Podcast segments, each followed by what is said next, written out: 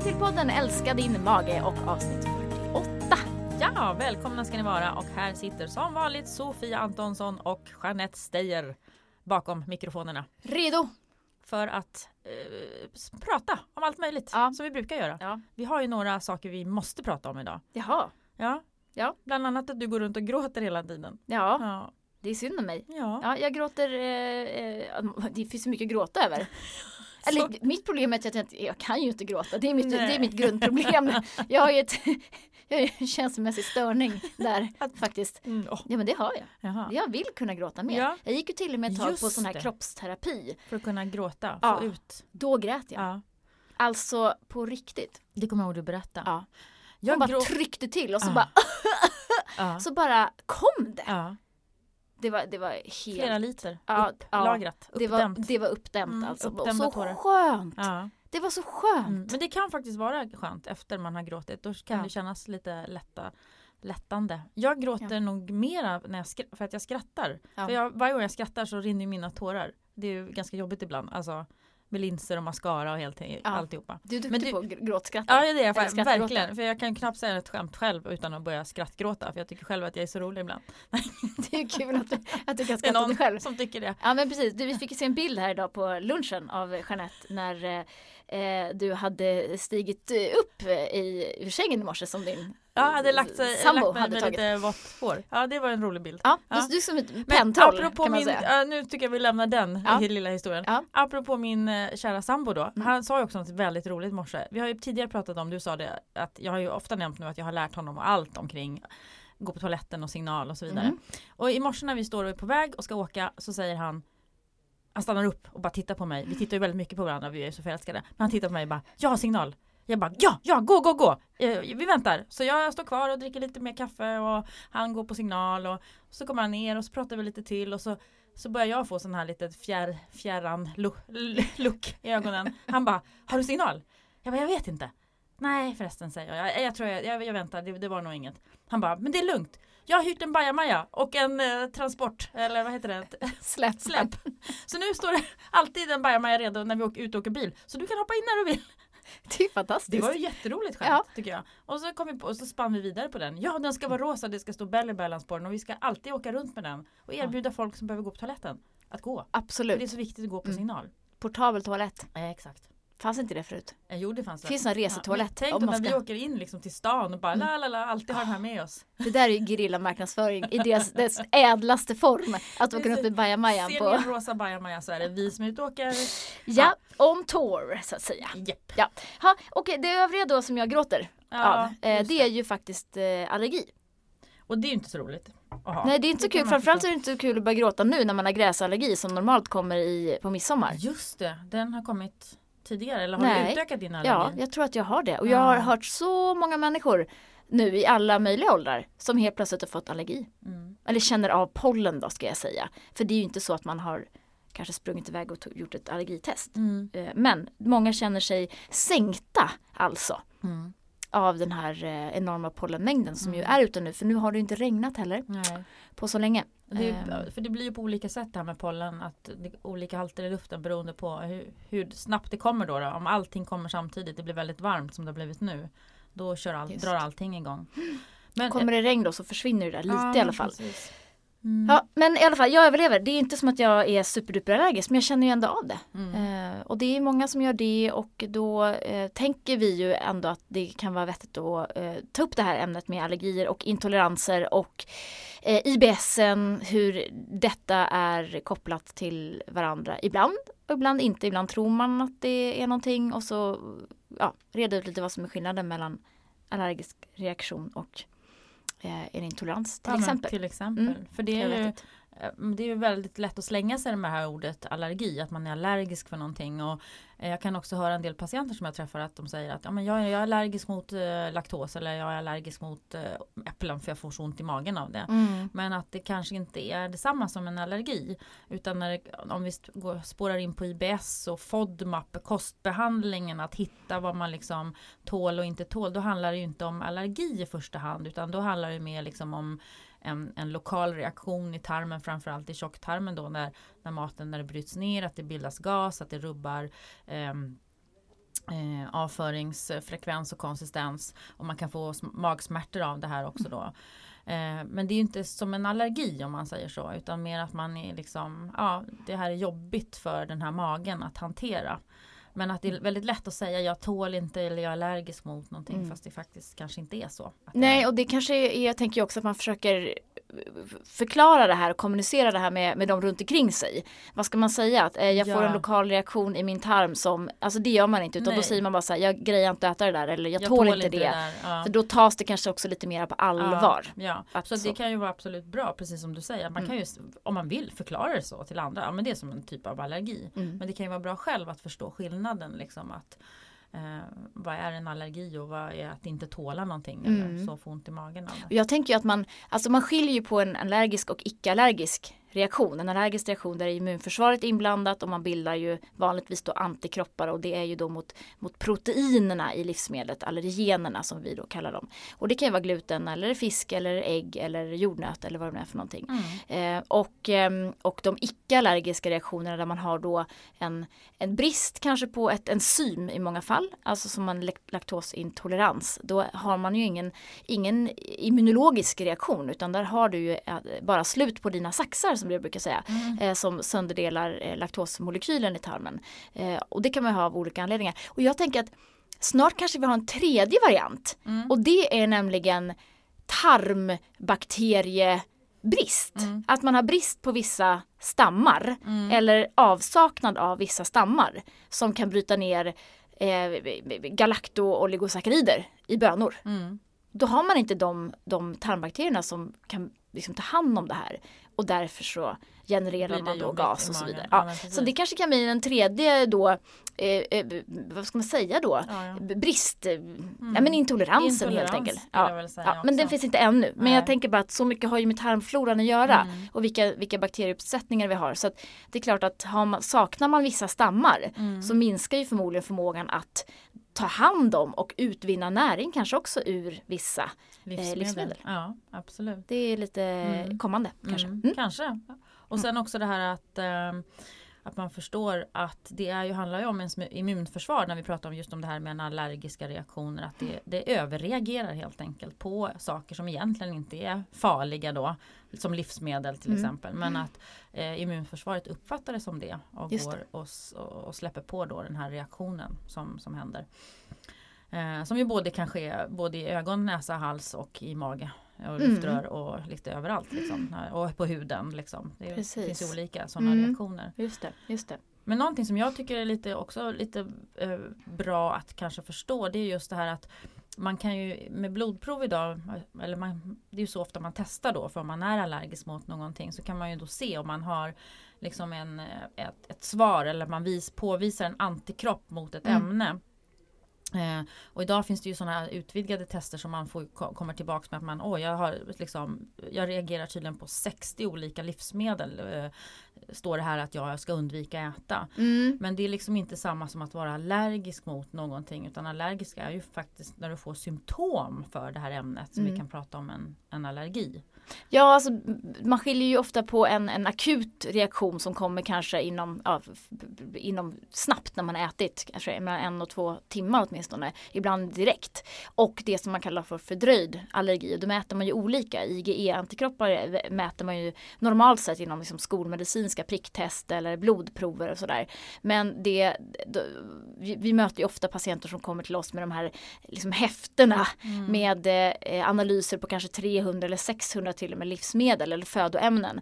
Eh, och där möter man ju då IgG-antikroppar och det, det som kallas då för fördröjd eller dold reaktion eh, i kroppen. Och det kan ju typiskt vara sådana här diffusa symptom som huvudvärk eller trötthet eller ledsmärtor, alltså vad som helst egentligen. Och eh, där brukar jag säga att eh, om man får frågan, ska jag ta ett sånt test? För det är ju någonting jag reagerar på men det verkar inte vara FODMAP och jag vet inte vad det är för någonting. Eh, då är, alltså jag är inte helt det är inte lätt att tolka de här analyserna. Nej. Så jag tror jag haft en eller ett par patienter som har fått tillbaka någon var, eh, visade på reaktion mot quinoa. Mm. och hade kört FODMAP länge och inte fått helt liksom 100% resultat. Tog, tog bort quinoan och blev i stort sett helt bra. Mm. Men det är liksom ett av de få fall där Mm. jag verkligen kunnat här, se att de här testerna har givit. Eh, Mm. för annars så blir det så att du, du får ofta eh, rött då på alla sädesslag, Mm. mjölkprotein, Mm. eh, det kan vara fisk, det kan vara Mm. ägg, sånt som man absolut inte tänker att man reagerar på. Mm. Och det, är ju, det ju säkert att de visar just att du kanske har en sensibilitet men du har liksom inte en allergi. Och, och det kan ju bli farligt om man plötsligt liksom inte kan äta allt det där och blir jätte, väldigt, väldigt smal i sin, sina livsmedelsval. Just Ehm, så att ja, det där är lite och det är väl som våran kära vän eh, Dr. Rein Sensalu som vi jobbar med som är en duktig mag-tarmläkare. Han säger det att vi, vi vet ju för lite ännu om och vi har inte tillräckligt bra mätinstrument för att kunna förstå de individuella liksom, eh, och kunna se de individuella reaktionerna och eh, födoämneskänsligheterna. Men att man hoppar, som han säger, ja, jag skulle vara spännande att vara med om 10-15 år. Man Mm. tror att det händer mycket inom Mm. det området. Att vi mycket bättre kan pinpointa vad var och en liksom tål och inte tål. Absolut. Mm. Eh, och det, det, det pågår ju också eh, kliniska prövningar med något som heter oral immunoterapi. Där man då eh, utsätts för ett födoämne eh, lite granna hela tiden för att man ska utveckla då tolerans på sikt. Eh, och det här har ju visat sig lovande framförallt då i djurstudier.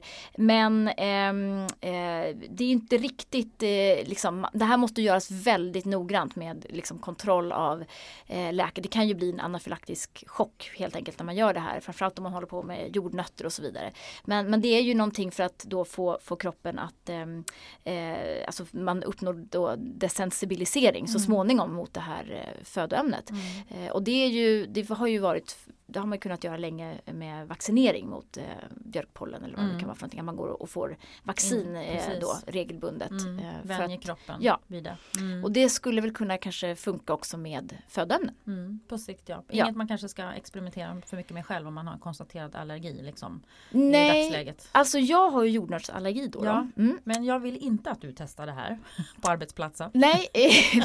Men jag testar ju då och då för jag får i mig jordnöt ibland Ja. och så bara oj hoppsan. Ja. Eh, jag dör ju liksom inte. Nej, ehm, för uppenbart. det. Mm. Ja. Men jag, jag känner ju av i halsen Mm. och det är klart att det är det är lite, det är lite eh, kittlande fast Ja. alltså också ja, på På flera olika Ja, på sätt. flera olika Speciellt sätt. för dina eh, arbetskollegor. ja men, men Det eh, här har jag varit med om några gånger kära lyssnare. Om man bara sitter där och väntar på vad händer nu? Jag är redo. ja men alltså jag, Jag är tänker redo med adrenalinsprutan. ja, men jag som inte är då så allergisk Nej. kanske skulle jag kunna eh, göra en sån här desensibilisering. Det vill säga att jag äter pytte, pytte lite jordnöt under, Mm. så frekvent under en längre tid. Eftersom jag vet att jag inte är dödligt Så allergisk. allergisk. Nej, Ja, men jag vet nej. heller inte när man, om det Nej. helt plötsligt kan uppstå en sån. Nej, precis. Det Så jag inte. avstår från att prova det. Ja, men, men det är mera det som vi kanske vill lyfta är ju mera det här att man, man har börjat tänka, tänka om vad det gäller allergier och ska man utsättas eller inte. Vi pratade Mm. om det tror jag i förra podden just, Just det. att man har börjat sett att man kan inte liksom undvika allergi eh, när, när det gäller barn Mm. genom att, att de ska inte äta vissa saker utan man snarare tror att tidig introducering av vissa Mm. saker kan vara bra. Ja. Ehm, faktiskt. Absolut, visst är det så. Sen Visst tycker jag en så. annan sak som är intressant som också hänger just det där med, med, med födoämnen då, där allergi eller inte. Att vissa eh, allergier som mjölkprotein och äggproteinet de är ju eh, liksom värmetåliga och bryts inte ner i magsäcken av saltsyran. Så att de går ju, de passerar ju liksom vidare, det spelar ingen roll om du kokar eller rått eh, utan de passerar vidare genom magsäcken och kan komma ut och ge den här allergiska reaktionen. Mm. Men till exempel någonting som äpple då som är mera labilt när det gäller, man pratar om allergi, att det, det bryts ner av värme, det proteinet som är i äpple Mm. Och även av, eh, påverkas av eh, saltsyran i magsäcken. Mm. Vilket gör ju, och det är också det här många upplever att de kan inte äta ett rått äpple Mm. men är äpple kokt eller liksom i en äppelpaj eller någonting sånt så, Mm. så går det bättre. Ja, Och det är ju lite svaret på, på den. Absolut. eh, varianten. Eh, visst, visst kan det vara så. Det där, jag tänker att det där också är lite, eh, lite varierande. Ofta ger man ju barn med mjölkproteinallergi i, när man eh, introducerar mjölken så, värmer man, alltså till, så ger man tillagad uppvärmd mjölk. Mm. Eh, och det går ju oftast lite bättre. Mm. Och jag, jag tänker, jag som håller mycket utbildningar inom allergi och intoleranser. Eh, där, det finns ju inget svart eller vitt här. Mm. Alla är liksom olika. Mm. Så ibland då när man möter någon som är på en restaurang och har fått en lista från någon eh, kund som, eller gäst som, som ska komma och säger så ja ah, men jag är allergisk mot, eh, mot stenfrukter säger vi. Ja okej då tänker man att stenfrukter, ja men det är ju typ plommon och körsbär och aprikos och sådär. Eh, och så kommer personer och säger så här nej men alltså eh, till exempel mango kan jag ju äta. Mm. Ja det är ju en stenfrukt. Mm. Men okej, ja men den går bra. Mm. Så att allting är ju Mm. liksom inte eh, Nej. som sagt svart eller vitt utan ja. så här, skriv då vad du kan äta istället. Och det är väl lite grann det som med våra patienter också att eh, har man IBS följer FODMAP Kanske man inte ska bara säga vad man inte kan äta för det är Mm. ganska svårt för den som ska laga maten. Säg istället det här går jättebra att Mm. äta, de här tio grejerna. Mm. Det, det funkar om du lagar Mm. någonting på dem. Ja, Mm. då går det oftast väldigt bra. Mm. Så det är liksom lite en annan approach Ja, helt enkelt till det här. Precis. Mm. Och tycker jag också en, en bra approach lite grann rent mentalt. Det här med fokusera, vad riktar jag ficklampan mot? Mm. eh, Som vi brukar prata om. Eh, mot allt som, jag, som inte är bra eller som inte går. Mm. Eller kan jag välja att rikta den mot det som går bra? Alltså den mat jag kan äta, utforska det och liksom tänka att oj vad mycket det är faktiskt jag kan äta. Absolut. Eh, så det, det är bra. Mm. Var riktar vi ficklampan någonstans? Vi riktar den mot de livsmedel som vi kan äta och som vi tycker är goda. Ja! Vi är ju faktiskt till och med nu för tiden sponsrade Ja. den här podden av en fantastisk nyhet som eh, är ett havrebröd som heter Oats. Mycket trevligt, Mm. glutenfritt Mm. bröd som är gjort på ren eh, havre, rent havremjöl. Eh, 83% havre. En eh, portion eh, bröd, eller en brödskiva rättare sagt, innehåller lika mycket havre som en portion havregryn. Det är fantastiskt. Mm. Alltså, Mm. I love it. Det är Ja. dessutom gott. Ja det är det. Det håller sig ganska många dagar i rumstemperatur. Eh, till skillnad från annat glutenfritt bröd. Det är väldigt lite socker i det här brödet. Det betyder att det håller eh, blodsockret på en bra nivå. Och eh, mättar bra. Mm. Och är, ja men det är ju bara, det, jag säger bara äntligen. Mm. Ja och, och nu sa du glutenfritt men det, det framförallt som vi ju är så glada för det är ju att det är FODMAP-vänligt. Det är liksom det vi har gått efter då. Ja. Eh, efter det med de ögonen vi tittar. Mm. Och sen det är också bara säga en sak till. Det är himla gott att rosta. Jag brukar skära upp det där och stoppa in skivorna i frysen och så tar man fram och rostar en skiva. Eh, Exakt. jättegott. Mm. Mm. Och då blir det extra mycket resistent stärkelse i det här Just brödet det. som det redan är från början. Och betaglukaner. Mm. Det är liksom bara bra. Mm. Det är alltså ett glutenfritt låg FODMAP-bröd som faktiskt är nyttigt och gott. Ja. Ja. Bingo säger Då jag bara. undrar man ju genast, vad finns det här då? ja, finns i butiker i, um, än så länge, Ja, Skåneområdet. Ja. Eh, eh, kring Malmö och Helsingborg och, och sådär. Eh, kommer i eh, stora delar av Sverige inom kort. Ni kommer säkerligen få höra mycket mer om det. Vi är superglada för det här brödet, det är Mm. fantastiskt. Vi är också sponsrade av Husk, detta naturliga fibertillskott som ju eh, numera faktiskt säljs på apotek och eh, hälsokost. Och är ju ett pulveriserat psylliumfröskal. Och det fina med Husk det är ju faktiskt att det är avföringsnormaliserande. Oj, vilket långt ord. Ja, vackert. Och eh, oavsett om man är lös eller hård i magen så, eh, så bidrar då Husk till att normalisera avföringen och eh, göra den mjukare och lättare att få ut. Mm. Och det här tycker jag är Alltså, det är intressant vilken bra effekt som jag tycker många får av Husk. Mm. Eh, Det är inte bara de som har eh, konstaterade IBS utan även de som kanske bara går lite för mycket på toaletten varje dag. Man kanske är lite bekymrad för man går en 3, 4, 5 gånger på toa. Eh, Och så tar man Husk och då kanske man kommer ner på två gånger på en dag. För att det liksom bulkar upp lite grann i tarmen. Så att eh, alla ni som tycker att ni springer lite för mycket på toa eller lite för sällan på toa faktiskt också. Ta och eh, gå och köp eh, Husk tycker jag och då säger vi alltid den gröna sorten för IBS och den blåa varianten för den som har en eh, plåtmage. Och vill ha i sig lite annat också som är gott innehåller för den. magen. Ja men Mm. precis, de som klarar av det. Precis. Det finns ju också någonting då som heter korsreaktioner om vi nu ska prata lite grann om vår och livsmedel. Mm. Eller så att säga vårallergier och livsmedel. Och eh, man brukar väl säga då att det vanligaste kanske är då björkpollen. Eh, att den korsreagerar.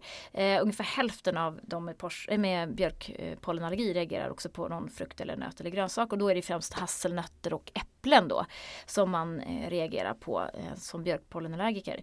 Kärn och även stenfrukter tror jag va? Ja, Mm. mm. de vanligaste är nog eh, äpple. Ja, precis. Äpple, precis. päron. Mm, exakt. Mm. Ehm, sen har vi då eh, till exempel en latexallergi.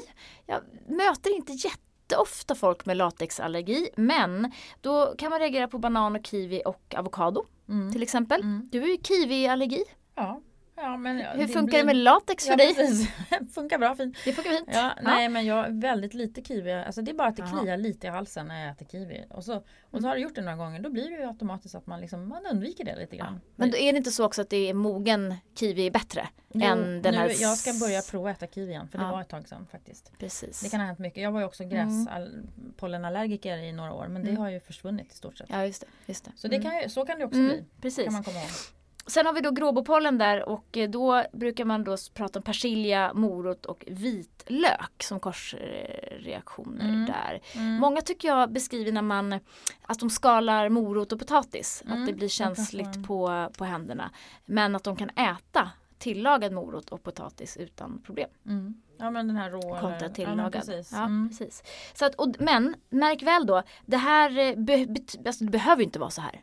Så att bara för att man inte tål liksom, björkpollen så behöver man inte hålla på att undvika en massa saker. Man får väl pröva sig fram. Exakt. Det värsta som kan hända det är ju att man oftast får något typ av klåda eller svullenhet och ja, då vet man ju det. Men återigen tycker jag att det är många som är ganska förvirrade kring sina allergier. Man kanske inte känner att, alltså allergologer finns det ganska dåligt av vad jag förstått inom vården. Eh, få som liksom är duktiga på det. Och då gäller det att man börjar föra mat och symptomdagbok. Mm.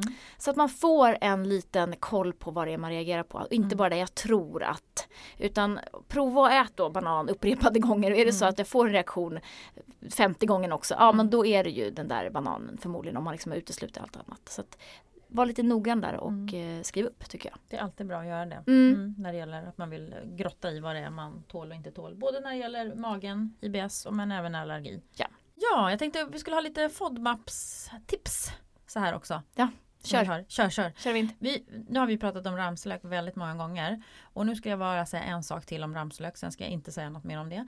Eh, det är ju lite säsong nu. Börjar ju bli utomhus. Det växer ju sån i skogar och i vissa delar av vårt land. Eh, mest eh, södra och på Gotland. Man ska se upp så att man inte um, plockar liljekonvaljblad istället. Mm. De liknar varandra ganska mycket. Man ska ha en tydlig lök och vitlöksdoft på de här bladen. Mm. Eh, liljekonvaljblad, då spelar det inte så stor roll om man har IBS eller inte. För de Då får man Då IBS. får man, de är Ja. giftiga så de Ja. ska man inte äta. Nej. Det var bara det jag ville säga. Mm. Men sen var det nämligen en annan lite rolig sak som dök upp här. Eh, för jag läste på någon utländsk sajt om garlic chives. Mm. Och då undrade vi strax vad är det för någonting? Mhm. Och då visade det sig att om man översätter det till svenska så är det något som heter kinesisk gräslök. Visst var det så? Jag vill minnas det. Ja. Ja. Och ehm, eh, de har som långa gräsblad ser det ut som, alltså sma, mycket smalare än ramslöken. Ehm, och det visar sig att de här kan man odla.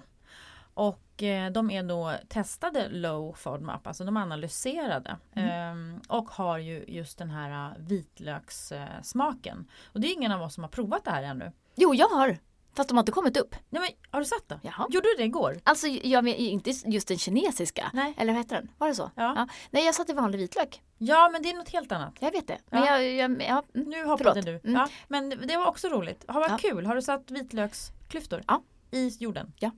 Spännande. ja, det kommer växa upp små stänglar Ja. nämligen på dem också. Och de ska du testa. Ja. Mm, och se. Och de, de, men det var inte analyserat men vi misstänker starkt eller hoppas starkt att det kommer att funka. Ja, eftersom vitlöksgrodd är liksom Ja, eh, ska vara, ska vara okej. mildare. Mm. Så eh, tänker jag att det här kommer bli eh, mycket mildare om Ja. det är hela långa blad. Liksom. Jättespännande. Så det blir spännande att höra om Men den här, vadå, är den här kinesiska då? Vad, vad är Man kan själva... köpa frön eh, av den. Så det tycker jag att du också ska göra. Ja. Att du ska ut i helgen och köpa lite frön och så kan du plantera även dessa. Och så kan du återkoppla här i podden hur det blev. Will do so. You have the green fingers, Ja. I don't. Nej, eller jag Eh. menar det, vi får ta den hemma som har gröna fingrar. Om Ja, det precis. är jag eller min sambo eller någon annan. Men det är roligt, också kul med barn. Eh, Det går väl nämligen fort eh, att eh, få upp sådana här små groddar på vitlöken. Det är liksom inte så här fyra månaders väntan utan det ska tydligen gå väldigt fort. Ah, kul. Ja, men då, det, det är ju lite lätt också om man har vit, några vitlöksklyftor hemma så bara peta ner lite jord och vattna och så se lite Ja. vad som händer. Toppiga, toppiga eh, delen uppåt. Ja just det. Ja, Och så att man inte sticker ner. ner. Ja. Ja. men precis. Annars så kommer de åt fel håll. Liksom. Ja. Ja. Så, så det var ett litet tips om man vill hitta de här äh, sakerna som kan ge vitlökssmak då när man följer FODMAP eh, kostbehandlingen eftersom den är Börja med i alla fall att man utesluter lök och vitlök. Yes. Det kom också in en eh, fråga. Ja, det kommer ju faktiskt in ganska många frågor eh, till oss. Vi har ju en hemlig sluten eh, Facebookgrupp för våra medlemmar där de får chatta med oss en gång i veckan. Eh, eller vi chattar med dem kanske man ska säga. De ställer frågor till oss och vi försöker ge några eh, rimligt förnuftiga svar. Ehm, och det är jättemycket bra frågor och funderingar där och, och diskussioner i den här gruppen. Och de, ni ska säga, ni som lyssnar då som är med i den här gruppen att det är fantastiskt att se hur ni stöttar och peppar varandra och hjälper och tipsar och så vidare. Och vi lär oss mycket också ifrån alla tips och råd som kommer in. Men då vad hade vi en fråga idag att eh, hon skriver jag behöver hjälp att reda ut det här med bröd under elimineringsfasen och vilka mjöler man kan använda för att baka med. Jag vill minska på stärkelse och därför undvika att köpa glutenfria produkter för de innehåller ju ofta ganska mycket stärkelse. Och så frågar hon också vilket mjöl är bäst för magen. Till exempel havremjöl, teff, durra rismjöl, majsmjöl, bovete, siktat dinkel, fiber, husk eller pofiber med mera. Frågetecken. Ja det var mycket. Mm. Och de mjölerna där som vi, mjölerna och fiber eh, tillskotten kan jag säga som jag rabblade upp där det är ju de som är liksom låg FODMAP då som man ju- rekommenderar att ha lite eller att använda sig av under framförallt elimineringsfasen. Eh, och, och, och det är ju liksom vilket mjöl är bäst för magen. Det finns nog inget mjöl sådär som man kan säga bäst för magen. Det är ju lite olika egenskaper de här mjölarna har och vissa är ju mer näringsrika, till exempel havremjöl. Dinkel skulle jag också säga då, det är ju en vetesort men eh, beter sig ju som, också som vanligt mjöl. Men har en lägre halt av de här jobbiga fibrerna. Och dinkel är ju också ett bra mjöl för magen. Men ofta är ju den här eh, variationen som vi återkommer till att kanske använda olika mjöltyper. Och dinkel innehåller ju gluten. Ja. Eh, så det, där får man ju den bakegenskapen som man då saknar hos de här eh, glutenfria mjölsorterna totalt Precis. då. Därför måste man ju tillsätta påfiber eller Mm. fibrex eller husk eller vad det är för någonting Mm. till. Exakt. Mm. Och just det fiberhusk och, och pofiber som du säger det är ju Det är ju inte ett, en mjölsort så, Mhm. utan det är mer ett fibertillskott då som man kan använda Just det, bakning. precis. Och sen är det teff som man Mm. Ju har kommit på senare år. Mm. Som är en, en fin mjöl, glut, naturligt glutenfri mjölsort. Högt eh, ja, näringsinnehåll, Ja, järn, rikt. precis. Mm. Lågt, eh, lågt GI. Mm. Teff och durra är ju väldigt bra. Lite, lite mindre stärkelse i dem. Eh, mjöl som eh, ris och majs och de här är det ganska mycket stärkelse. Potatis det är ju som liksom Det är ju mest bara stärkelse och inte så mycket fibrer och inte så mycket vitaminer heller för den delen. Just det. Så att det kan vara vettigt att blanda lite mjölsorter. Eh, man kan ju blanda stickat dinkelmjöl med teffmjöl till exempel eh, och baka med det. Eh, och se hur, liksom, hur långt man kan tänja Mhm. gränsen. Men alltså, sen beror det på om man bakar. Bakar man fillimpan Mm. så går den utmärkt att göra. Den när man bara rör ihop liksom Ja. mer och så in i en form och in i ugnen. Den kan man göra med vilket mjöl som helst Mm, egentligen. mm, glutenfritt eller inte. Mm. Eh, den blir ju bara bra Mm. ändå. Och just i, i eh, våran eh, bak, bakbok. Ba- fra, inte framboken utan Bröd- bakboken. bakboken inte fram, brödboken, där, Mm. då är ju just att vi använder alla de här naturligt glu- glutenfria mjölsorterna då. Mm, Eh, som är FODMAP-låga. Eh, precis, de- och sen är det dinkelsurdeg. dinkel. Mm. i den. Och det, din- surdeg på dinkel är ju ganska lätt att Mm. sätta. Och då är det helt okej att använda honung i den surdegsgrunden. För den är ju maten till de här små bakterierna i surdegen. Så att eh, de, den, de smaskar upp den där honungen innan den kommer ner i din mage som äter det här brödet. Precis. Så det är lugnt kan man Mm. säga. Mm. Vi är som vanligt sponsrade av Mag och tarmförbundet. Och eh, det är vi ju som vanligt också väldigt glada för. Och Alltid glada. vi är alltid glada för det. Det är en Utom fantastisk, ja, fantastisk organisation och eh, ni som vill veta mer om Mag och tarmförbundet går in på magotarm.se och läser er till, till vad ni har er närmsta lokalförening faktiskt där. De är, är mycket aktiva och det kan vara bra att gå med i en sån förening och ta del av informationen där. Och med dessa ord ska vi väl runda av för idag. Vi vill passa på att tipsa er om att gå in på vår hemsida eh, bellybalance.se Eh, ni som har magproblem, titta gärna på programmet Magbalans och eh, vad som man kan få hjälp med där. Eh, vi kan också tipsa om eh, våran app eh, man kan hitta i App Store och Google Play som är ett bra verktyg när man genomför kostbehandlingen FODMAP. Just, där Var det finns det vi en, skulle säga? Ja, själva? finns också en scanner vill vi påminna Ja. om så man kan blippa på streckkods, eh, streckkoden på förpackningarna i butik och få reda på om de är gröna eller röda. Enligt FODMAP. Ja. Bra! Tack för nu! Tack!